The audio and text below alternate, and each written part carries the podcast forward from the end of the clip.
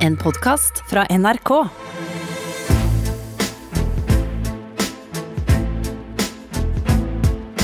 Trump mot verden med Gjermund Eriksen og Sean Henrik Matheson. Hva skal vi høre nå? Uh, noe er tilbake.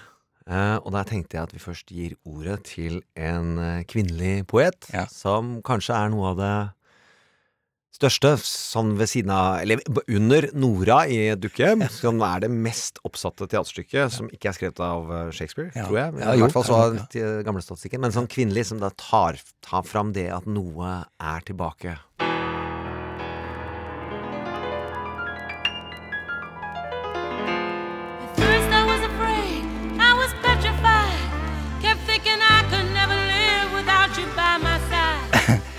Ja, og, og da er vi jaggu tilbake til Birtherism! Ja da, vi kom dit veldig fort. Å, det gikk så fort! Under 24 timer så skal vi vise det alle svarte bør vise hvis Donald Trump skal holde seg rolig, nemlig fødselssertifikatet ditt. La oss bare her høre hva Donald sa når han ble spurt om birtherism-utspillet til en jalla-advokat. I heard it today that she doesn't meet the requirements. Uh, and by the way, the lawyer that wrote that piece is a very highly qualified, very talented lawyer. I have no idea if that's right. I would have th- I would have assumed the Democrats would have checked that out before she gets chosen to run for vice president. Ja, jeg tror de har det! Jeg tror ikke de trengte å tenke på det engang, fordi hun er født i USA. Det er ikke noe å mase med i det hele tatt. Så klart ikke. Så klart så ikke. La oss bare da håpe at man ikke går i det store, svarte mediefellehullet ved at man blir sittende og prate om det over and over and again. Men vi er ikke en podkast for amerikansk publikum, så vi bare går videre. Ja, ja, men bare kjapt, Hvordan funka birtherism uh, sist gang, da Obama fikk eh, smake på det? Ja, han er jo født i Kenya, han må jo være det. Plattformen eh, lanserte Donald Trump. Det er hvordan han kom inn og skapte seg en politisk karriere. Og det ble en stor gjeng folk som begynte å heie på Donald Trump og tvile på Barack Obama. Og det gikk såpass inn på han at han faktisk til slutt fant fram det der eh, fødselssertifikatet. Men der kan dere finne en gammel podkast hvor vi snakker grundig og lenge. Ja, gjør det. Vi går gjennom hele katalogen vår, så finner du det til slutt. Eh, Ja, velkommen til Kamala Harris og Trump mot eh, verden. Jeg heter Sean Henrik Matheson. Gjermund Eriksen, godt å se deg. Du er i studio i dag. Eh, Det er alltid hyggelig. Til deg som hører på, det er også alltid veldig hyggelig at du gjør.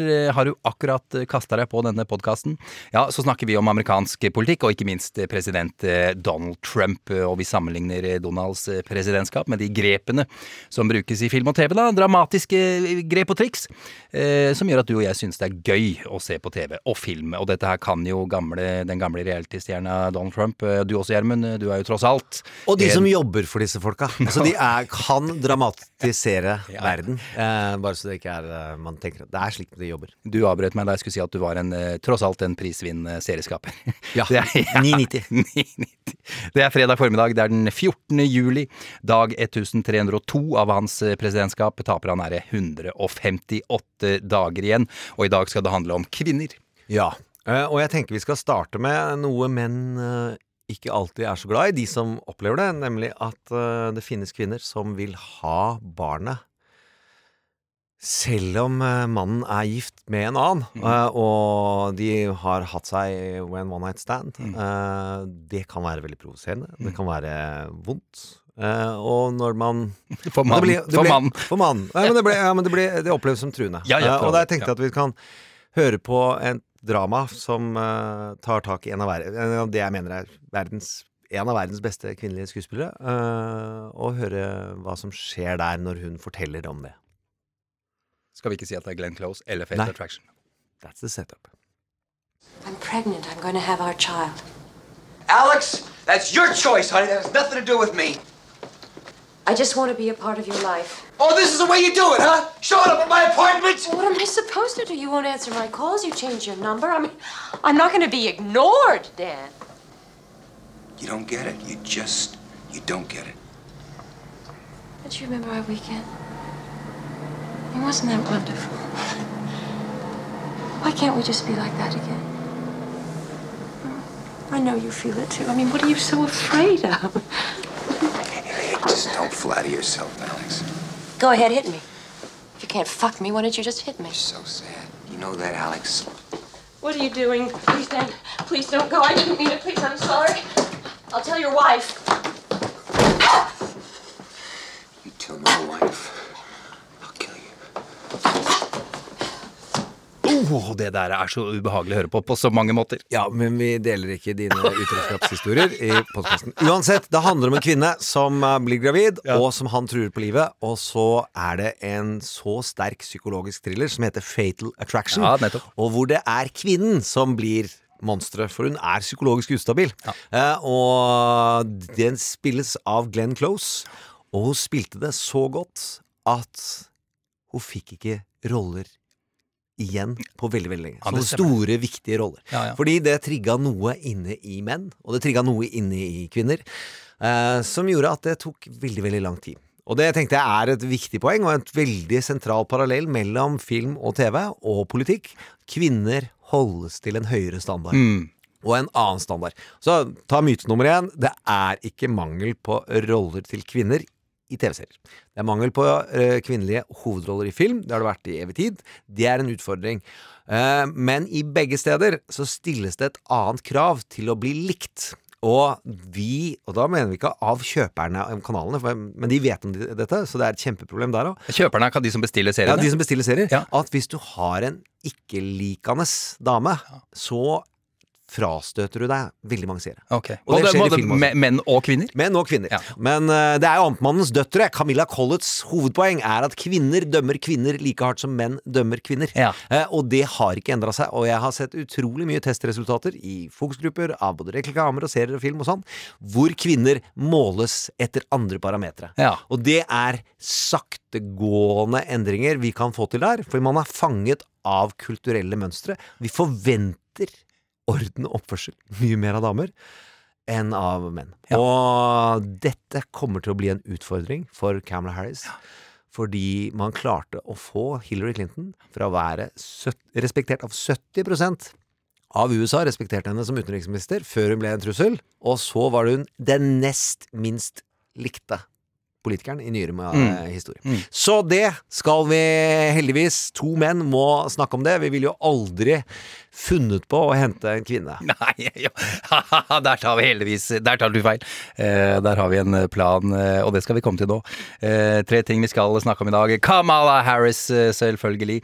Eh, endelig så, så, så valgte Joe Biden sin visepresidentkandidat, eh, og det ble jo den kvinnen da som kanskje de aller fleste hadde trodd at det skulle bli.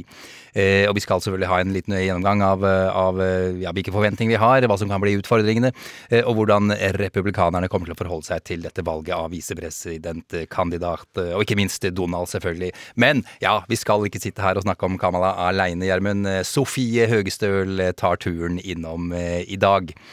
Ja, og i går så sa Donald, eh, skal vi si, the quiet part out loud. Hør på dette her. three and a half billion dollars billion for mail-in voting billion so if you didn't have it you wouldn't you, you know how much money that is they want 25 billion dollars for the post office because the post office is going to have to go to town to get these ra- ridiculous ballots in now if we don't make a deal that means they don't get the money that means they can't have universal mail-in voting they just can't have it Ja. Der Så- sier det rett ut! Ja, han vil ikke ha Nei. poststemmer. Eh, og han har gjort det før, sier underteksten. Han sa jo i mars at hvis, hvis vi gjorde det enkelt å stemme, så ville de jo ikke hatt én republikansk eh, valgt til Representantens hus, Senatet eller eh, presidenten.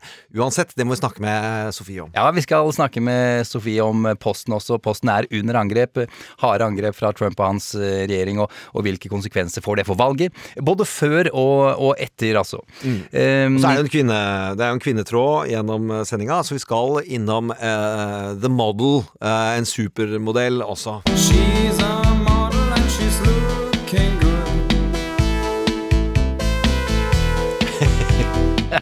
Jeg tror det er et navn vi, vi name-dropper med ja, mer enn noe annet. Nate Silver, det er mannen bak statistikken. Har kommet med en modell!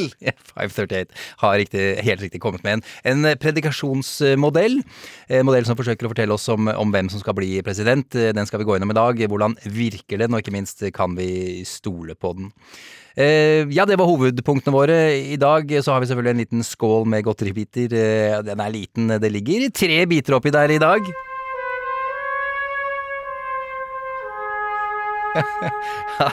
Det er en stund siden vi har snakka med en gammel helt av oss. Nei, ikke helt, egentlig. Ikke det hele tatt, faktisk, men en, en skikkelig skurk. En skikkelig karakter Ja. er det uansett. Ja, en, en som på et vis klarte å etter hvert få litt ørlite grann sympati. Eh, Masse. Han gjorde en reise vi ofte ser på TV og i film. Ja, ja, hjemme. redemption-plot, folkens. Ja, redemption. God gamle Michael Cohen. eh, Ser ut som han kommer rett ut av eh, Sopranos.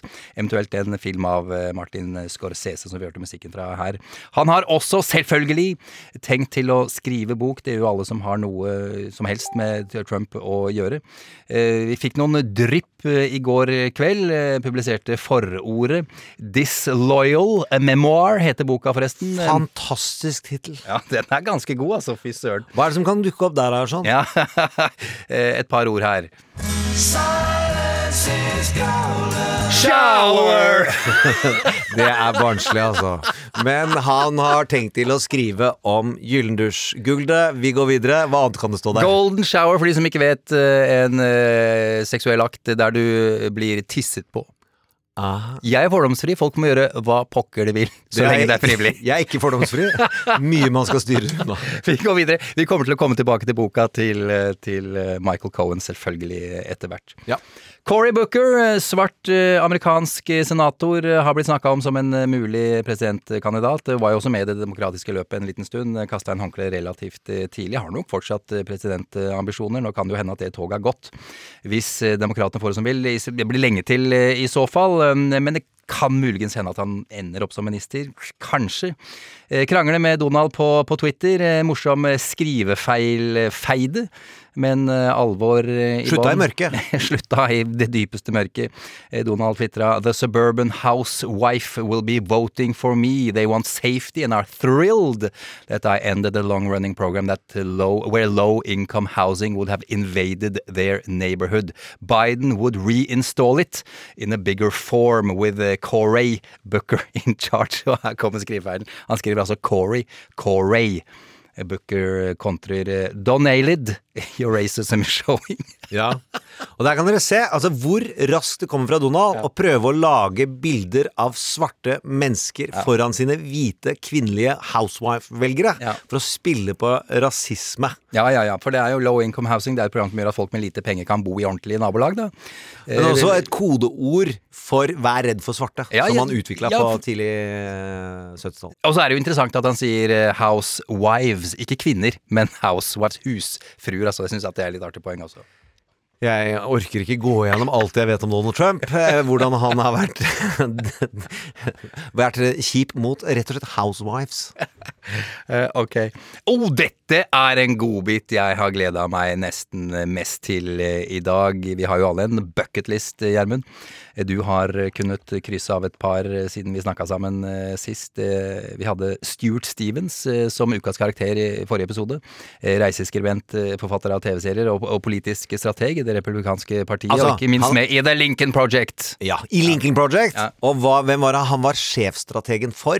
Ja, det var Mitt Romney. Ja, og da er du på den utrolig korte lista over eh, sjefstrateger siden år 2000. Det er mulig å henge med. Ja, The Lincoln Project, en haug av eh, republikanske never-trumpere. Og han har du jaggu fått snakka med! Yes!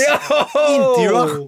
Ja, fantastisk. Ja, Det er, var eh, moro, altså. ja, ja, det skjønner jeg. Vi kommer vel tilbake til det, Gjermund. Ja, det blir eh, lagt ut som ekstrapodkast. Ekstra I morgen, hvis du sitter og hører på dette på fredag. Hvis ikke, så skal det ligge der i løpet av lørdagen. Ja, det er stas. Ja. Vi får jo ofte etterlysninger etter kan dere ikke lage flere? Og nå gjør vi det, så nå kommer en ekstra podkast i morgen lørdag, altså. Ja, og så ble det Så kommer det en videovariant. Ja, det gjør det på Facebook-sida vår.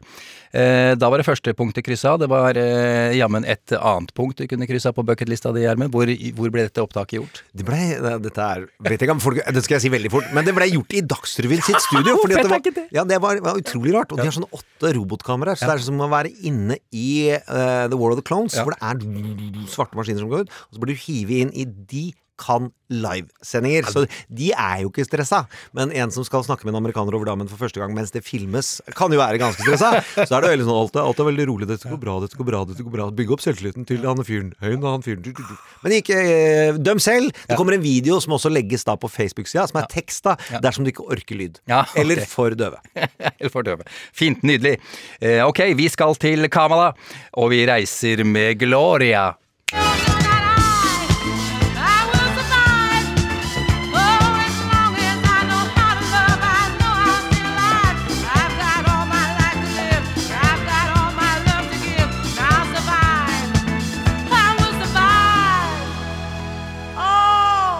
Ja, så ble det Kamala Harris.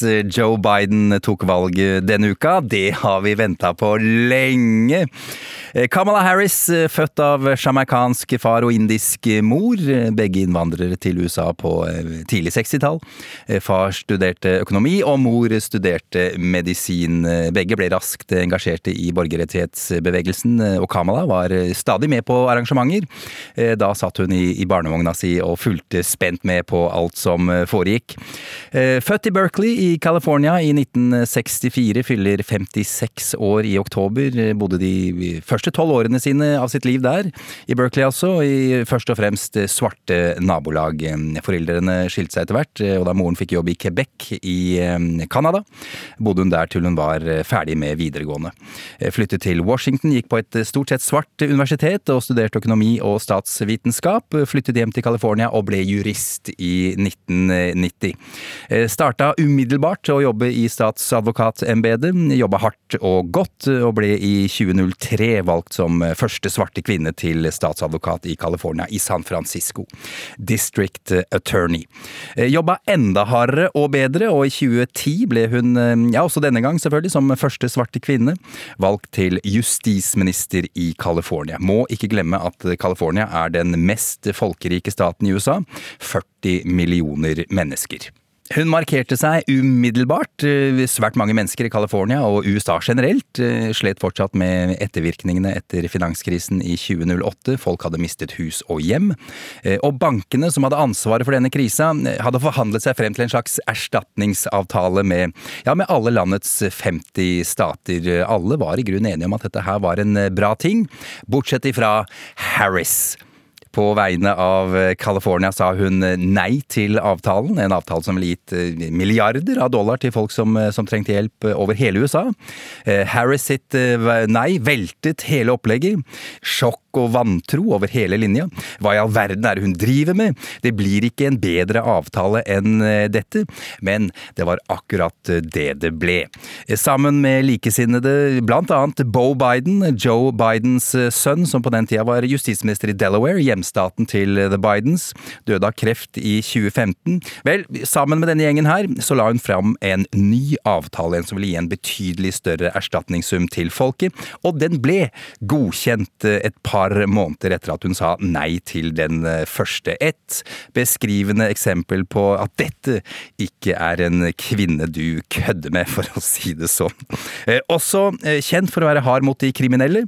For hard, hevder mange. Dette kommer vi sikkert til å høre mye om i de nærmeste to-tre månedene, vil jeg tro. Ble så valgt inn i Senatet i 2016 med overveldende margin.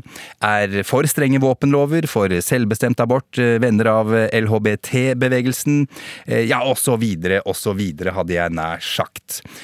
En sentrumsorientert demokrat, ikke så progressiv som for eksempel Elizabeth Warren, men kjent som en pragmatiker. Ja, jeg kunne selvfølgelig sagt så uendelig mye mer om denne kvinnen, men vi skal bli mer informerte nå, for det er en glede å ønske deg, Sofie, velkommen tilbake til Trump mot verden. Takk. og jeg må si jeg setter veldig pris på å få lov til å være med i samtalen denne gangen her. Så bra. Ja. Det er vel tredje gang du er her. Det betyr at du er veldig, veldig god. Eh, Det er ikke så rart med all den kunnskapen du sitter på. Men ok, Kamala Harris, altså. Eh, Din umiddelbare reaksjon på det valget, Sofie?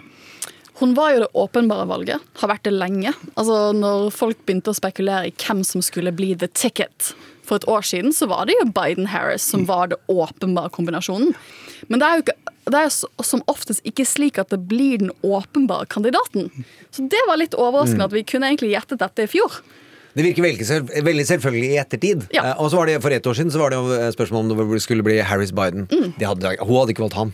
Det må være lov å tror jeg. se- snakke og si hvorfor, kan, hvorfor sier du det så eh, Jo, for, bombesikkert? for I fjor i sommer så var det fortsatt man trodde Akkurat da hadde Harris-kampanjen virkelig tapt seg. Så var det nesten ute Men Biden-Harris har jo vært det man har følt er Da holder vi partiet sammen. Det er ingen galskap i noen leire. Hun er eh, tradisjonelt mer progressiv enn Biden på en god del spørsmål. Og så er hun i strafferett, ditt fagfelt Altså Hun har vært prosecutor i San Francisco og i hele California. Og der har det vært en del kriminelle. eh, og de har hun putta inn i fengsel, Ja. og det ryktet har hun. Så det, det er noe men, det, men det har hun jo, får hun også kritikk for, eh, Gjermund og Sofie, at hun har vært for hard. eh, Og, og, hva tenker du om det? Det var jo en sånn interessant debatt rundt henne da hun stilte som presidentkandidat, at hun har fengslet for mange, altså rett ut, menn med minoritetsbakgrunn. Og selv om hun da har minoritetsbakgrunn selv, så fikk hun mye kritikk fra Black Lives Matter.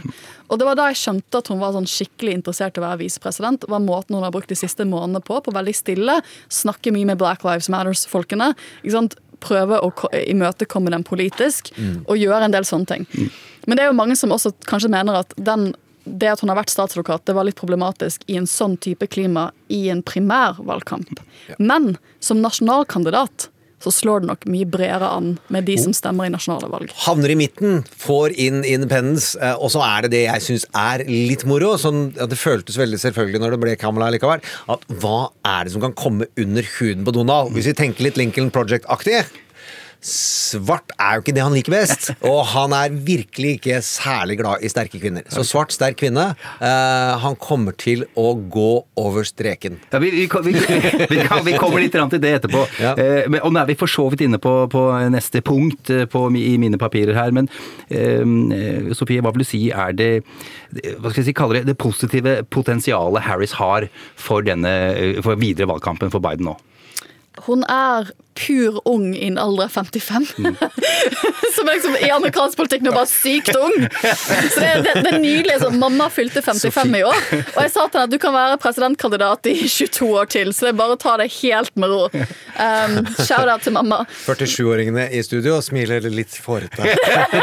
Det, dere, er jo, dere kan gjøre så mye. Altså, Nei, dere- vi kunne vært tre år ute i Ja, ja, presidentskapet. Vi. Obama-tall. Ja. Obama-tall. Så hun er mye yngre, og så er hun Jeg tenker Det som er kult med henne, er at hadde Harris vært en hvit mann, så hadde man tenkt at hun hadde vært et veldig kjedelig tradisjonelt valg. For hun har jo den tradisjonelle CV-en en visepresidentkandidat skal ha. Mm. Har vært statsadvokat, jobbet seg inn i politikken via den just, tradisjonelle jusmåten der.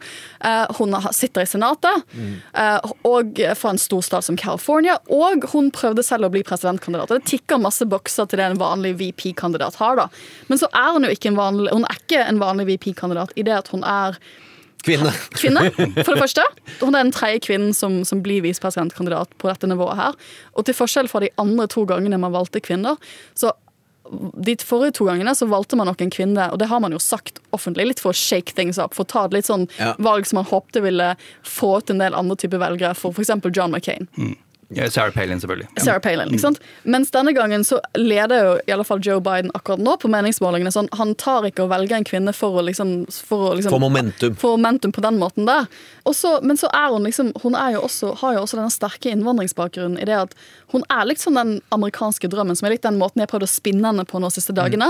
Fordi at hun har en, en mor som kommer fra India, og kom til USA for å skrive doktorgrad, og en far som også kom til USA for å skrive doktorgrad, fra Jamaica. Så fra to helt forskjellige verdensdeler. Stipendiatbakgrunn her. Ja, så Det er to ph.d.-foreldre, så her er det sånn sterke akademiske røtter. De kommer til USA for, et, for å ta en verdensutdanning, altså en verdensledende utdanning, og møte hverandre i det aktivistarbeidet de gjorde på 60-tallet for borgerrettigheter, og får lille Kamala, som da på én generasjon bygger seg opp og blir visepresidentkandidat. Og Det er litt den amerikanske drømmen til mange innvandrere. så de spiller, Det blir jo et momentum her. Og ligner litt på en type sammensetning av to ulike deler av verden som Barack var. Mm. Så det er mye Mm. Obama i mytologien under, Mm. eh, som jeg syns er ekstremt spennende og positivt. Hva, hva, hva kan være negativt ved, ved dette valget? Det er nok helt klart at det er mange, la oss kalle de progressive, eh, velgere til demokratene som er litt skuffet. Som hadde håpet seg en litt, litt annen type stemme inn i, i dette valget her. Hvem skulle det vært da?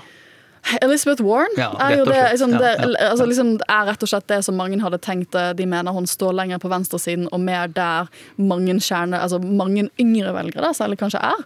Uh, Så den type stemme. Så de mener at det, dette blir jo en veldig sånn moderat, sentrumsorientert Mm. ticket. Så scorer de dårligere hos yngre. Altså Biden, hans største utfordring er yngre, altså folk under 30, mm. som han ikke har klart å engasjere ennå.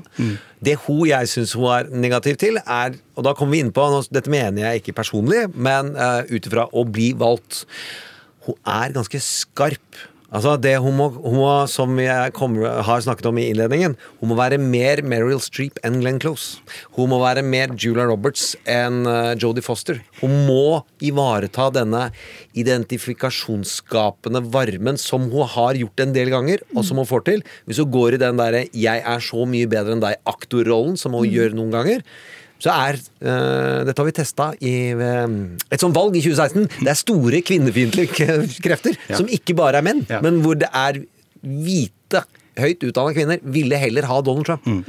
Fordi friksjon blant kvinner er jækla vanskelig og utrolig ullent og uggent. Det er et helvete. Ja. Absolutt. Hvordan er det blant eh, amanuensiser? Er er Å, herregud, det kunne vi snakket mye om. Men jeg, jeg tror nok mange også peker på at det er en svakhet ved henne. At hun hadde en så dårlig presidentkampanje selv. At det viser jo Det må jo peke på at hun er en svak kandidat. Det, det er en veldig morsom anekdote. Bare for å ta den. ja, Paul Begala i uh, podkasten Hacks on Tap, som hadde en fantastisk morsom sending på tirsdag. Men Da sier Paul Begala husk på hva som er kjennetegnet ved Al Gore og Joe Biden, som er fantastiske visepresidentemner, og som hjalp til. De var elendige på å vinne presidentkamp, så du lærer mye av å tape. Og han sa at Camela har helt sikkert lært en god del. Jeg har lagd et par slappe ting i livet mitt som veldig mange har sett. Eh, og det lærer man av, altså. Hvis man ikke er gjøk. En, en, en, eh, en ullen kampanje er vel lite var vanskelig å forstå budskapet hennes, er vel hovedkritikken mot det som foregikk der, så vidt Altså, jeg vet. jeg følte at hun debuterte på en drømmemåte. Liksom, det Ja. første uken av kampanjen hennes, som hun, de, det folkemøtet og talen hun holdt, det var liksom, hun gjorde det så bra at da var jeg litt sånn Å, shit, blir Ja. det kanskje liksom, Are we looking at a Harris presidency? Dette var sterkt. Og så falt det litt sammen. Jeg tror mange mener at det var mye at hun var dårlig på å holde en disiplinert kampanje. Det var mye lekkasjer. De jobbet ikke godt sammen. Hadde søsknene sine med. Det er ikke alltid Liksom, lurt. ja, det er alle de tingene der det, var dårlig drevet, så det er nok en av de tingene de prøver å se på nå, at hun, øh, at hun har vært mer disiplinert. Men også i Hillary-fella, eh, og da mener jeg ikke Hillary Clinton, men hele kampanjen. Tok ikke valg, sto ikke for noe. Så det er ikke et uklart budskap, men turte ikke, ville safe inn. Og nesten ingen som leder tidlig i primærvalg, drar i mål. Biden var nede, alle mente var ute, og det var bare Clyburn som trodde på Biden, og så vant den. Eh, Det med å velge eller riktig visepresidentkandidat, så viser vel historien at, at valget av ja, kandidat, visepresidentkandidat sannsynligvis sjelden eh, har har vært avgjørende for et valg, men at selvfølgelig riktig valg har hjulpet og dårlig valg har gjort det mer kronglete, det er vel klart. Men det spekuleres jo nå på at dette her kan være annerledes denne gangen, at Kamala Harris, Harris faktisk kan ha en stor betydning for utfallet. Hva tenker du om det, Sofie? Det sier nok om litt om hvem Joe Biden er som presidentkandidat. At det er så mye oppmerksomhet knyttet til dette her, og tanker om at hvis han velger feil, så blir det veldig skadelig. Og det har jo med å gjøre Jeg legger inn hjertelyd i Biden. Det var veldig bra hjertelyd, Gjermund. Ja, vær så god, vær så god, vær så god folkens. Revykarrieren min stoppa i 1983. Heldigvis så stoppa ikke hjerteslagene å slå, for det, det satser vi på at det ikke kommer til å skje. Men, det, man Men, kan, men han har jo sagt veldig åpent sånn at jeg er 77 år gammel. Hvis Ja. noe skulle skje, så trenger jeg noen som kan fungere som president på dag én. Ja. Og det har jo satt et helt annet søkelys på denne prosessen. Og så er det litt den følelsen også av at ved å velge ved å velge en pres- visepresidentkandidat, så velger han altså fremtiden til partiet. For han kommer kanskje ikke til å sitte i to perioder, selv om han vinner nå. To, to kule anekdoter. Det ene er jo at Bill Clinton valgte, valgte holdt jeg på å si Carl Rove. det gjorde du ikke. Al Gore. Eh, og så sa rådgiveren hans, Begala, sa ja, men herregud, Al Gore er jo deg, bare at litt dårligere. Eh, han kan, kan litt, men så sier Bill hvorfor gjør du det? Vi skal jo vinne valg. Because I might die. og da sa Begala ok, tar, tar det argumentet. Men så har du det med eh, Kamala om det å velge eh, om, om Biden er Skal han sitte i fire eller åtte år? David Axelrod sa ganske direkte denne uka at eh, det har vært luftet ganske tydelig av Biden, visstnok, at, det er, at han er egentlig ganske klar på at han ikke skal gjøre det. Det vet jeg ikke. Eh, altså, han er ullen i formuleringene, men David Vi later som jeg får fornavn. han slenger ikke sånn uten at han Nei, eh, uten kjenner han folk. sjekket Og han kjenner folk. Axel Road er jo gamle sjefstrategen til Barack Obama, din store helt, og manges helt, Gjermund. eh, Og helten til vår podkast storbeskytter, Michelle. Ja, det får vi tro. Eh, Som karakter, eh, altså som en kvinne som skal bli en del av, av velgernes liv, eh, hva er det som gjør at folk skal føle, føle at de er som, eh, som henne, at hun ligner på det, men samtidig selvfølgelig så må hun stå frem som en, som en Ja. lederskikkelse og et et sterk person? Det var litt interessant, for jeg så jo på denne første møtet de hadde med pressen, hvor de kom ut og liksom holdt talene sine, og hun ble introdusert av Joe Biden. Og det som var interessant, da, at når hun kom liksom opp og begynte å snakke, så begynte hun ganske tidlig å snakke om at det viktigste for henne er også familie. og Hun er veldig glad i Hun kalte de barna sine, men det er jo stebarna sine. Hun har jo ikke fått barn selv. Altså, giftet seg ganske sent i livet, når noen og 50. Eh, men det var veldig interessant å se henne som snakker om seg selv som mamma, og hvordan hun liker å lage mat for familien sin. Det, er sånn, det er jo litt for å appellere til mer tradisjonelle kvinne, kanskje kvinnegrupper, da. For jeg la merke til det, De snakka veldig mye om de nære ting Ja. eh, og familie, og ikke minst, men de snakka også veldig mye om, eh, om Bo Biden, Ja. eh, som jo er sønn av Joe som døde av kreft i 2015. Eh, Hvorfor det? Hva, hva er det det fører til? marketingmessig, eller markedskommunikasjon, eh, eller hvordan disse kampanjestrategiene tenker, er at du må få på plass biografien. Akkurat som det er hovedkarakterer i serier og film, så trenger du å vite hvilke jakkebrukere har du, har du foreldre. Noen ganger så kan du gå total mystic, og du bare vet ikke hvem den personen er som går gjennom historien. Men få på plass biografi tidlig, for da har du felles knagg. Og så skal de helt sikkert være familiebilder, og den gryta kommer. Og jeg syns det som er Bidens styrke, er at nesten ingen ser ikke kjempehyggelig ut når du står ved siden av Biden. Ja. altså, han er bare smittende. Som min eldre bror står ved siden av han og smiler, så ser det bare ut som Wow, det her er koselig! Og hvis jeg står der, så ser det ut Wow, der, er, der kommer det noen som slenger, med leppa og er frekk. Ja. Så de, det er forskjellige auraer, og han har den auraen. Jeg har sett henne i intervjuer hvor hun blir varm. Og hvor hun får til dette. Og hun har en utrolig kul humor. Altså Hun er rett og slett god på dirran når det gjelder vitser. Og så er det den, den latteren går to veier. Den ene er den kalde tror jeg må ligge unna. Og nå driver jeg med ubehagelig sånn uh, instru instruering av sånn må du oppføre deg. Og så har hun en utrolig varm, smittende, kick-ass kul latter. Nei, altså hun, hun, jeg tenker Det er litt interessant, for i Norge så har vi jo masse kvinnelige politikere som ikke har giftet seg, ikke fått barn, og vi bryr oss ikke så mye om det. Men i USA er det fortsatt ganske tradisjonelle kjønnsnormer. Så hun skal jo prøve å spille til de, men så tror jeg også hun vil appellere til mange kvinner fra egen generasjon som ikke har tatt tradisjonelle familievalg. Så liksom, hun appellerer jo til det også, eh, for all del. Men så, som du sier, hun er det jeg forbinder med henne, er at når hun har lyst til å være et sjarmtroll, altså sjarmerende, så er hun dritsjarmerende intervjuer. Hun ler, hun fniser, Ja. spøker, flørter altså, altså, Hun har en utrolig god og sjarmerende fremtoning når hun, når hun går inn for det. Jeg synes det er, altså, Bare som faglig, jeg syns det er utrolig spennende karakter i måten hun beveger seg på, håndbevegelsene, alt sammen. Er en sammensatt, sterk kvinne. Og det, folkens, ja, det, det er ikke meninga å bare snakke henne inn, det er ikke vi som stemmer i Nei, USA. ikke Men på noen det måte. er et godt karaktervalg. Hun må bare være forsiktig. Noe annet som skjedde under denne presentasjonen i går, Sofie, var at eh, hun, de, både Biden, men også Kamala var jo knallharde mot eh, Trump. Ja, For de begynte litt sånn varmt og nært. Og så gikk hun rett på. Ja. Og da, da har jo den andre styrken hennes da, er at hun er veldig talefør. Hun er nok en tryggere taler akkurat nå enn det kanskje Joe Biden er. Men Ikke jeg er litt usikker på hva han skal si hele tida, Ja. for å være dønn ærlig. Ja, ja, ja søren. Mens hun, hun liksom Hun, er, hun kjørte en ganske hard, direkte personlig tone på han og alt han har gjort feil.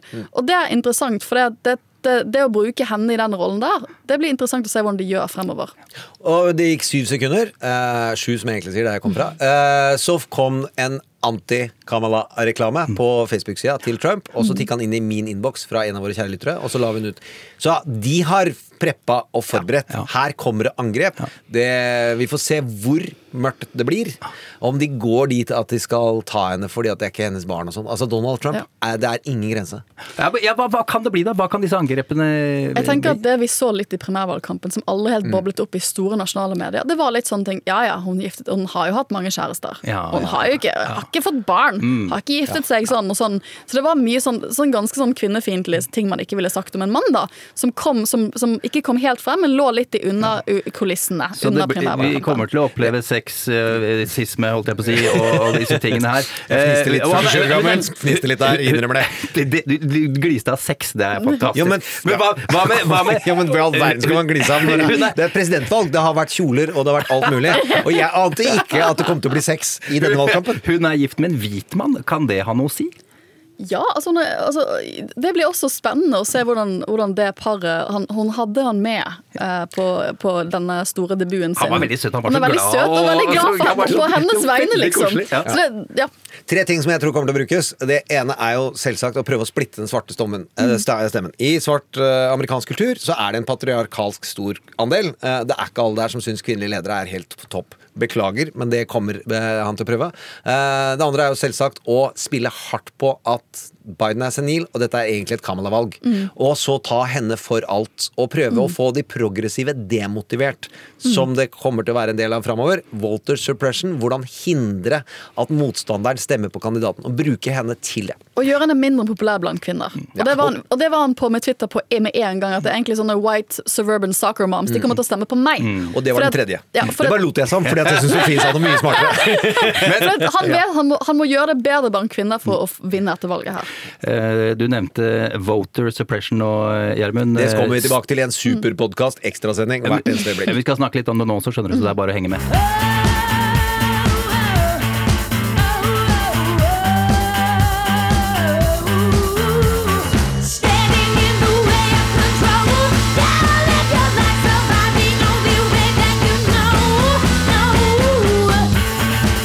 Trump mot verden med Gjermund Eriksen og Sean Henrik Matheson. Vi var så vidt eh, innom dette her i siste episode. Vi snakka om at eh, han jo er motstander om at eh, Altså Donald, motstander mot at folk skal få stemme gjennom posten mail in ballots. Men han stemmer jo sånn selv. Det er viktig å, Helt riktig, han stemmer det er jo til Florida. Det snakka vi om, som jo er urkomisk, egentlig. Mm. Han er hevder- også mot kriminalitet. Han hevder jo da at, Hint, hint, at, hint. at det kan bli valgfusk, føre til valgfusk. Nå viser en forskningsrapport fra 2016. Noe som han også har gjort. Den vitsen lar vi ligge nå. Videre. Det er også nyere forskning som kom ut nå i april fra Stanford, som viser at det har, ikke, det har en partinøytral effekt. Det er ikke et parti av de store partiene som tjener på poststemmer. Helt riktig. Så det er viktig. Altså det, det er ikke sånn at demokrater gjør det bedre hvis det er med poststemming. Hva veit du om valgordninger, da? Nei, Jeg, jeg har sittet i valglovutvalget Ja, i det jeg Norge. tenkte vi må få fram. men- i men, men på vet vegne av. Venstre, jeg må si at det, på, vei, altså, på vegne av Venstre, så ja. Bare for å slenge inn den Ja, det er helt, helt Mm. greit. eh, Jeg trodde du sa det er litt fordi du kan juss og kan Jeg, jeg tror det er derfor de valgte meg. Jeg liker å tenke det. Trump kaller eh, for øvrig postvesenet i USA for en eh, joke. Og nå, og nå er jo krisene, og så blir jo bare den måten folk skal stemme på, som burde være ganske apolitisk, det blir politisert nå. Men det er jo også andre måter han nå angriper postvesenet på. Har du noen eksempel der, eh, Sofie? Ja, altså Akkurat det som pågår nå, det er at uh, deler av Kongressen gjerne har lyst til å gi en stor krisebevilgning til Posten og gi dem masse mer penger, sånn at de kan rett og slett få inn disse stemmene, og så får de til valglokalene på fort tid, da, veldig raskt i november. Og det har Trump sagt eh, denne uken at det vil han ikke være med på. Han vil ikke gi krisebevilgninger til Posten. Nei, og så var det vel noe, noe hensyn, det var vel noe pressmiddel som ble brukt der også. Jeg skjønte at uh, finansminister Mnunic, jeg klarer ikke å si det. Mnuchin, tusen takk. Tusen takk. Ja. Jo har sagt at eh, det, ja, hvis, er hvis, dere få, hvis dere skal få disse Er det 10 billioner, 10 milliarder dollar, et eller annet, så, så, må, så er dere nødt til 25 milliarder amerikanske Ja, okay. dollar. Så må dere sørge for at uh, dere gjør noen nye avtaler med fagforeningene Mm. uh, og slike ting. Det skal bli dyrere å bruke Posten. Uh, det har jo omsatt som krav nærmest for å få disse pengene. Ja, og, det, og det, de bruker jo de virkemidlene de har nå.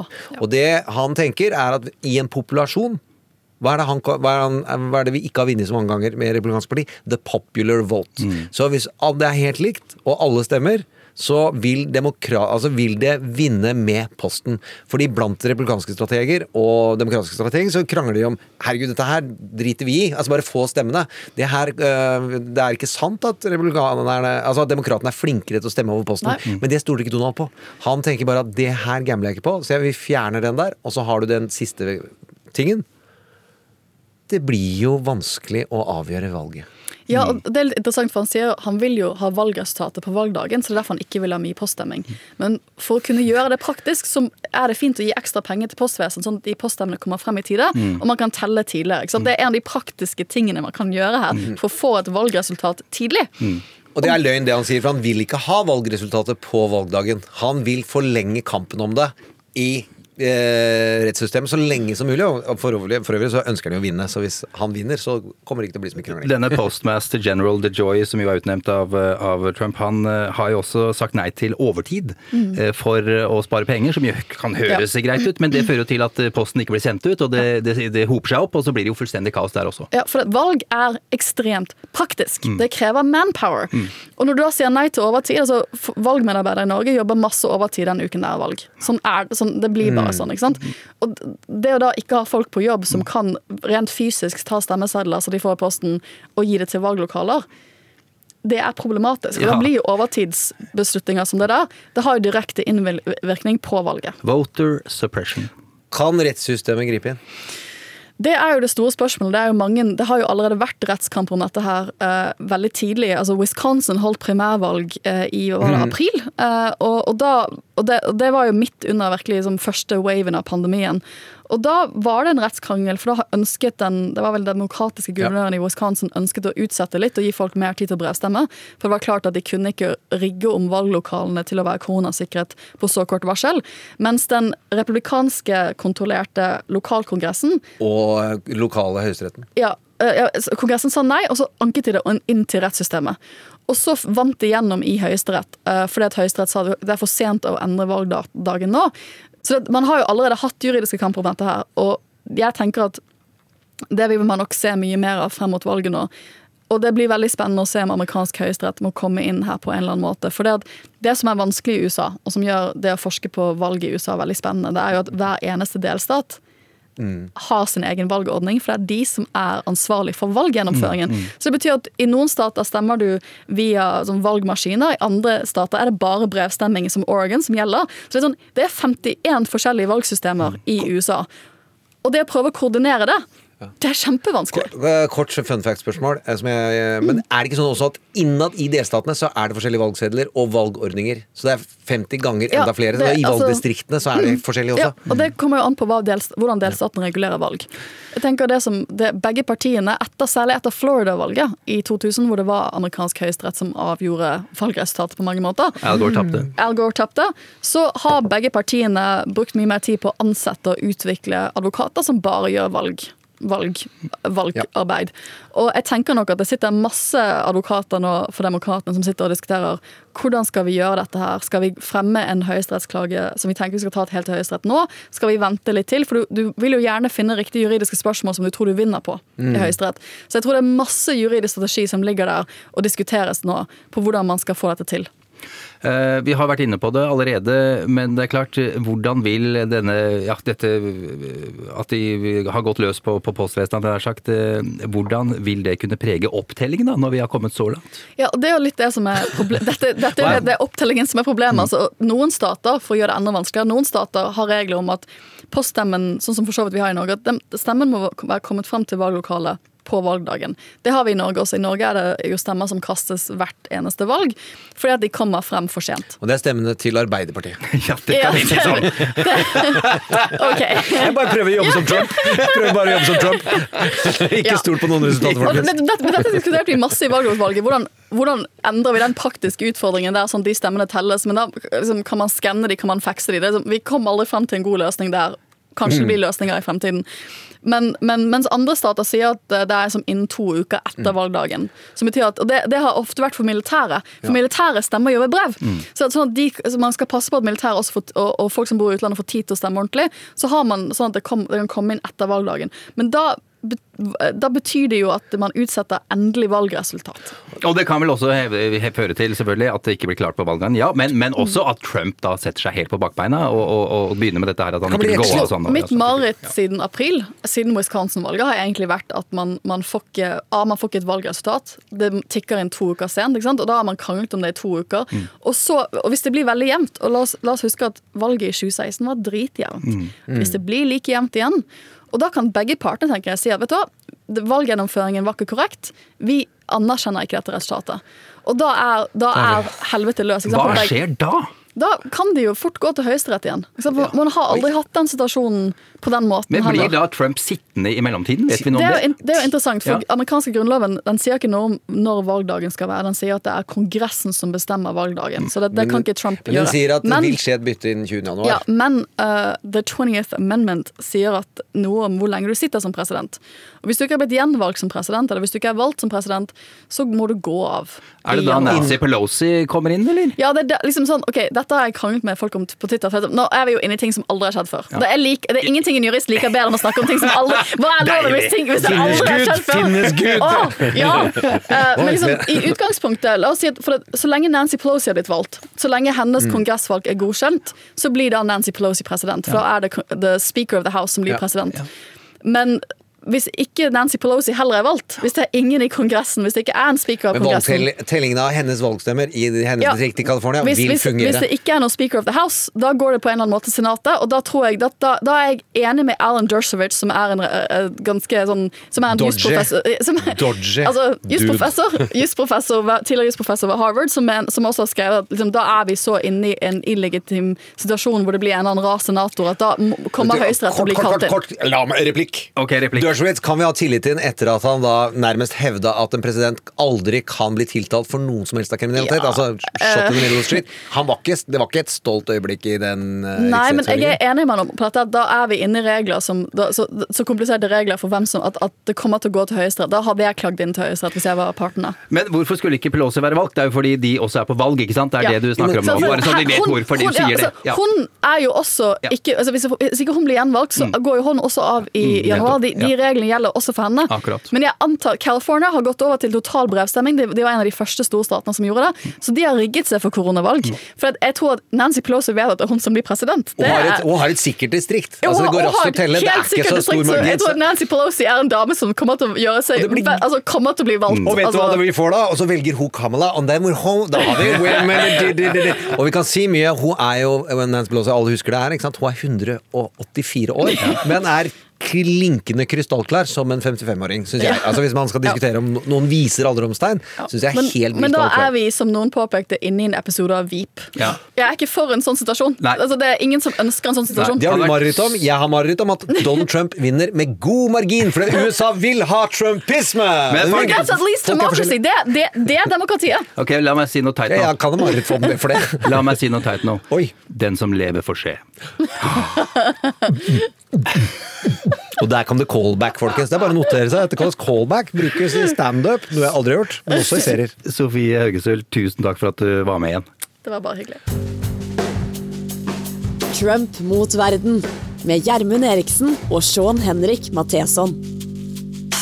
Vi skal til eh, Nate Silver, som jo også blir eh, ukas karakter eh, denne uka her, Gjermund. Et navn ja, vi har nevnt fem millioner ganger, tror jeg. Som regel i forbindelse med Ja, ja, i aller høyeste grad. Eh, Som regel i forbindelse med statistikknettstedet 538. Det er han som grunnla det. Han har nå kommet med en predikasjonsmodell på årets eh, presidentvalg. Vi skal eh, snakke om det nå. Bare kanskje kjapt noen ord om, om hvem Nate Silver er. Superkjapt. Statistiker. Tallknuser. Eh, Starta med å regne på baseballspillere. Laga en modell som skulle forutse hva slags resultater eh, baseballspillere ville få i løpet av en eh, sesong. Hvor mange home runs og osv. Blant mye annet. Etter hvert så tok politikken ham. Skrev for den progressive nettsida Daily Koss, som stadig finnes. Kan du like på Facebook, så får du masse interessante artikler. Begynte med politisk statistikk av rein frustrasjon. Han syntes at analysene som var tilgjengelige var for dårlige, for vanskelig å forstå for vanlige folk. Og dermed var 538 et faktum. Eh, Fun fact, eh, 538 er antallet medlemmer i The Electoral College, altså de som da til slutt velger, eh, velger presidenten. Eh, Jeg, tror vi holder egentlig med facts om Nate Silver. Nå altså har han eh, akkurat lansert en ny predikasjonsmodell, The Model. Hva er det, Gjermund? Det har jo vært presidentvalg siden 2008 sånn cirka, så lanserer han sin variant av uh, en prediksjonsmodell. Og så er det sikkert mange typer. Jeg er ikke statistiker, og jeg er ikke ekspert på denne typen tallknusing, men jeg har vært ganske interessert i hva han driver med. Og det er jo i hvert fall to fundamentale forskjeller å modellere for å forutsi hvem som det er størst sjanse for at vinner. Og det ene er jo meningsmåling og f- fundamentale dataserier fra virkeligheten eh, kombinert. Eh, som er det Nate Silver driver med. Det betyr at når du driver med modellering, så ser du på sannsynligheten for at ulike elementer påvirker hverandre. Ja. Og lager en eh, regresjonsanalyse og gjør det og tester dette over lang tid. Så du har store serier med data, og Nate Silver driver med data som går tilbake til 1800-tallet, snakka han om nå. Uansett, det du i hvert fall har, er meningsmålingene de siste 20-30 åra, og du har den økonomiske utviklinga, du har været, du har ditt, du har datt, eh, og så får du prøver å finne disse sammenhengene. Eh, de som ikke bruker meningsmålinger, er de som bare bruker fundamentals. Det vil si, hvordan går det med økonomien? Har det veldig mye å si? Hvordan går det, Er du landet i krig eller fred, så legger de inn det. Og så finner de en x 6, 7, 8, 9, 10, 12 ulike indikatorer. Det er Nate veldig imot. Mm, han liker ikke det. Nei, men han har Hans modell er sammensatt av fundamentals, som er ulike måter å se på eh, historiske data på, og meningsmålinger. Så er han da vekter han meningsmålingene opp mot de dataseriene på en måte som er faglig interessant for han. Og så finnes det veldig mange måter å gjøre det på. Eh, og han snakker opp seg selv som den beste, men han har tross alt levert vel eh, konsistent ekstremt høye og gode resultater. Eh, og vi fikk tallene for to dager siden. Ja, jeg mener at var det, var det uh, 70, Altså, av 100 ganger så vil, uh, så vil uh, president Trump vinne 31 ganger, var det det? Og Ja. av Ja, så er det da 70 Hva blir det? Nei, Sju av ti ganger så vil Biden vinne, og tre av ti så vil Trump vinne. Det er interessant at han nå faktisk bruker 100, altså. Altså 31 av 100 og så videre. Akkurat som det blir litt eh, mindre eller større da. Jeg vet ikke. Han bytta jo pedagogikk. Før så var han bare på percentage. Så det er 70% vinnersjanse. Og så syns folk det var kjempehøyt. Wow, wow. det er Men ser, det er 70 sjanse for å overleve en flytur. Så går du ikke på det fly. Uh, så du bør ha det tallet mye høyere opp. Han var Nate uh, Silver kommenterte han at var, han var overraska over hvor lavt tallet var. Eh, for seg sjøl. for det er mye lavere enn de andre modellene som allerede er ute i markedet. Eh, men han vekter Han mener jo da at inni fundamentals så går økonomien på særlig ett parameter, kjøpekraften, ligger fortsatt høy. Et annet parameter som han tar inn, er nemlig fordelen Donald Trump har in the electoral college, altså valgmannfordelingen, så har, så har Donald Trump en god del, med ikke så mange innbyggere, men en god del electoral votes, eh, og der er de hvite, så derfor kommer Trump til å vinne. Eh, Veldig mye, ganske lett. Det er en fordel, og som også løfter da sannsynligheten til Trump. Ja. Eh, Jeg antar at han har eh, fått med seg koronasituasjonen inn i modellen. Jeg må jo tro det. Ja, og spør meg om hvordan han har gjort det. Hvordan har han gjort det, Gjermund? Fått med Det seg tar vi ikke og går inn i, for det klarer jeg ikke å huske, selv om jeg har hørt, hørt episoden nå tre ganger. Så syns jeg det er utrolig vanskelig. For det En ting du må gjøre når du lager disse modellene, det er å vekte for usikkerhet. Altså hva har vi ikke helt peiling på? Eh, og hvordan programmerer du usikkerhet inn i historiske data? Det skjønner ikke jeg. Nei, og som jeg snakka om flere ganger, nevnt flere ganger, det med økonomi er jo ofte som regel veldig viktig for å bli valgt, eh, valgt eller gjenvalgt. Og, og eh, nå har vi en koronapandemi og en koronaøkonomi, basically, så vi vet ikke hvor Ja. stort utslag økonomien faktisk vil gjøre. Men han har jo også underliggende målinger på de ulike kandidatene som påvirker, og Donald Trump sin troverdighet på økonomi har ikke gått ned noe særlig grad ennå, målt opp mot Biden. Eh, Det betyr at folk rater hans koronahåndtering grusomt, mens økonomihåndteringa ikke så grusomt i det hele tatt. Og det gir Trump en oppside og en fordel. Så kan vi snakke om hvor mye det har å si, eh, nærme hver eneste uke. Det jeg syns er viktig at folk må huske på, når noe endrer seg i eh, den amerikanske politikken, og hvordan vi dekker valgkampen, så endrer modellen seg. Så det går ikke tro at det er 70 i dag, og så blir det det. Nei, nei, for all del, og bare for å være litt eh, tydeligere her. Altså, jeg har siden oppe nå, og eh, Trump vinner 29 av 100 ganger, mens Biden vinner 71 av 100 ganger. Slik eh, det ser ut nå, denne modellen. Ja. Ja. Denne type modellregning eller modelltenking er jo noe eh, du har fortalt at du bruker, eller at dere brukte i reklamebransjen Ja, de, eh, de oppdragsgiverne med veldig mye penger, eh, som har en stor omsetning, kan gjøre noe som ligner på denne typen prediksjonsmodellering, men det kalles økonometrisk modellering. Bare så vi kan si det her. Dette er det Google-maskinen din gjør hver dag hele tiden. Ja, Dette er, hva heter ordet? Eh, algoritmer. Og hva er det jeg pleide å si? Logaritmer. Ja, og nå skal vi snart lære oss forskjellen. Men eh, både Google og Facebook og, eh, driver hele tiden og programmerer din atferd og Ja. utsetter deg for det. Ja. Så det er ikke noe annet enn at man tar og gjør det Google har gjort i årtier, eh, inn i virkeligheten. Og så begynte det etterpå, bare for å ta historien Dette begynte som trafikkplanleggingsverktøy for mange mange tiår siden. Ah. Altså finne ut hvor mange fly trengs det, hvor mange bilparkeringsplasser. Så bare finne ut sammenhengen mellom fly, bil og buss, og optimalisere trafikk. slags big data-opplegg, er det ikke det? Kan man kalle dette er big data før man brukte ordet data om data. Og bake, og Da kalte man det numbers. Numbers. Trump mot verden med Gjermund Eriksen og Sean Henrik Matheson. Ja, kjære deg, du som hører på. Eh, Det er jo ingenting som jeg sier eh, egentlig hver eneste gang vi har eh, en podkast. Det er ingen som gleder oss mer enn det. Nettopp at du hører på. Og siden du er trofast, kanskje du er ny forresten, da kommer du til å bli trofast. Én lytning, og du er hekta. Men av og til så sier folk til oss fader, kan dere ikke lage flere episoder i uka? Og det er jo akkurat det vi skal, som vi nevnte litt tidligere i dag. Det kommer en ekstra pod i morgen. Ja, i et intervju en utrolig flink fyr som tar for seg noen av de viktigste tingene han har opplevd i det republikanske partiet. It Was All A Lie heter boka. Lest den to ganger. Skulle nesten ha snakka om den i tillegg, men vi snakker bra om den i podkasten. Ja, det er bra. Og han er en av gutta i Lincoln Project. Ja. Uh, og for meg så er det den topp tre chief strategist of all time. Det er fantastisk, veldig stas at vi får ha med han eh, her i, i Jedi-ridder, Trump-affæren. Ja, han er jedi-ridder.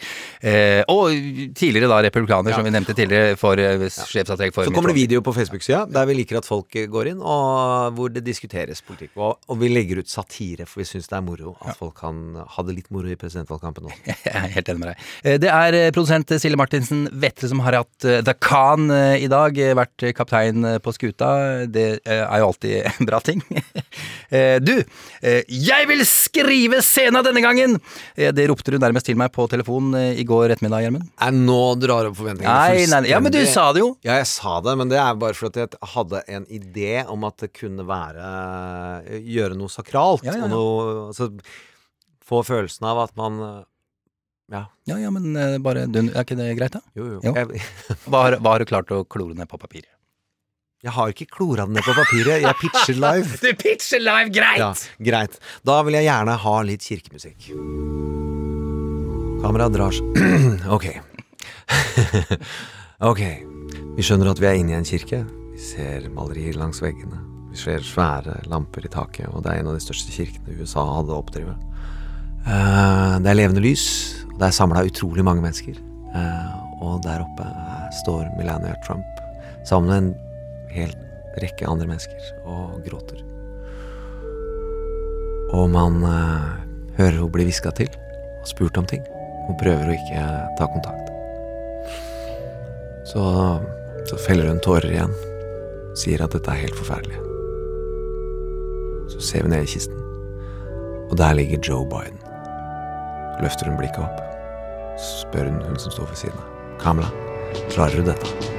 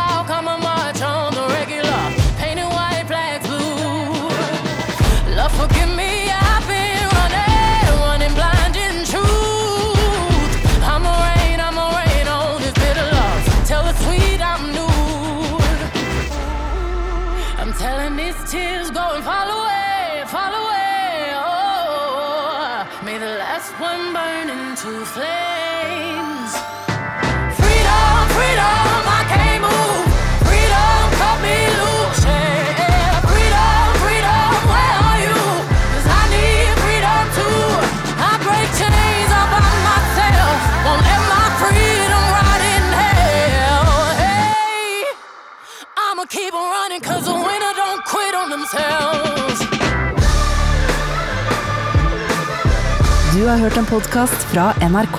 Hør flere podkaster og din NRK-kanal i appen NRK Radio. En podkast fra NRK. Hva med en podkast som plukker ut de viktigste nyhetene for deg? Både fra Norge og verden. Og som snakker om dem på en sånn måte at du ikke klarer å la være å høre på. En snarvei til skikkelig peiling. Hør nyhetspodkasten Oppdatert Med meg, Ragna Nordenborg. i appen NRK Radio.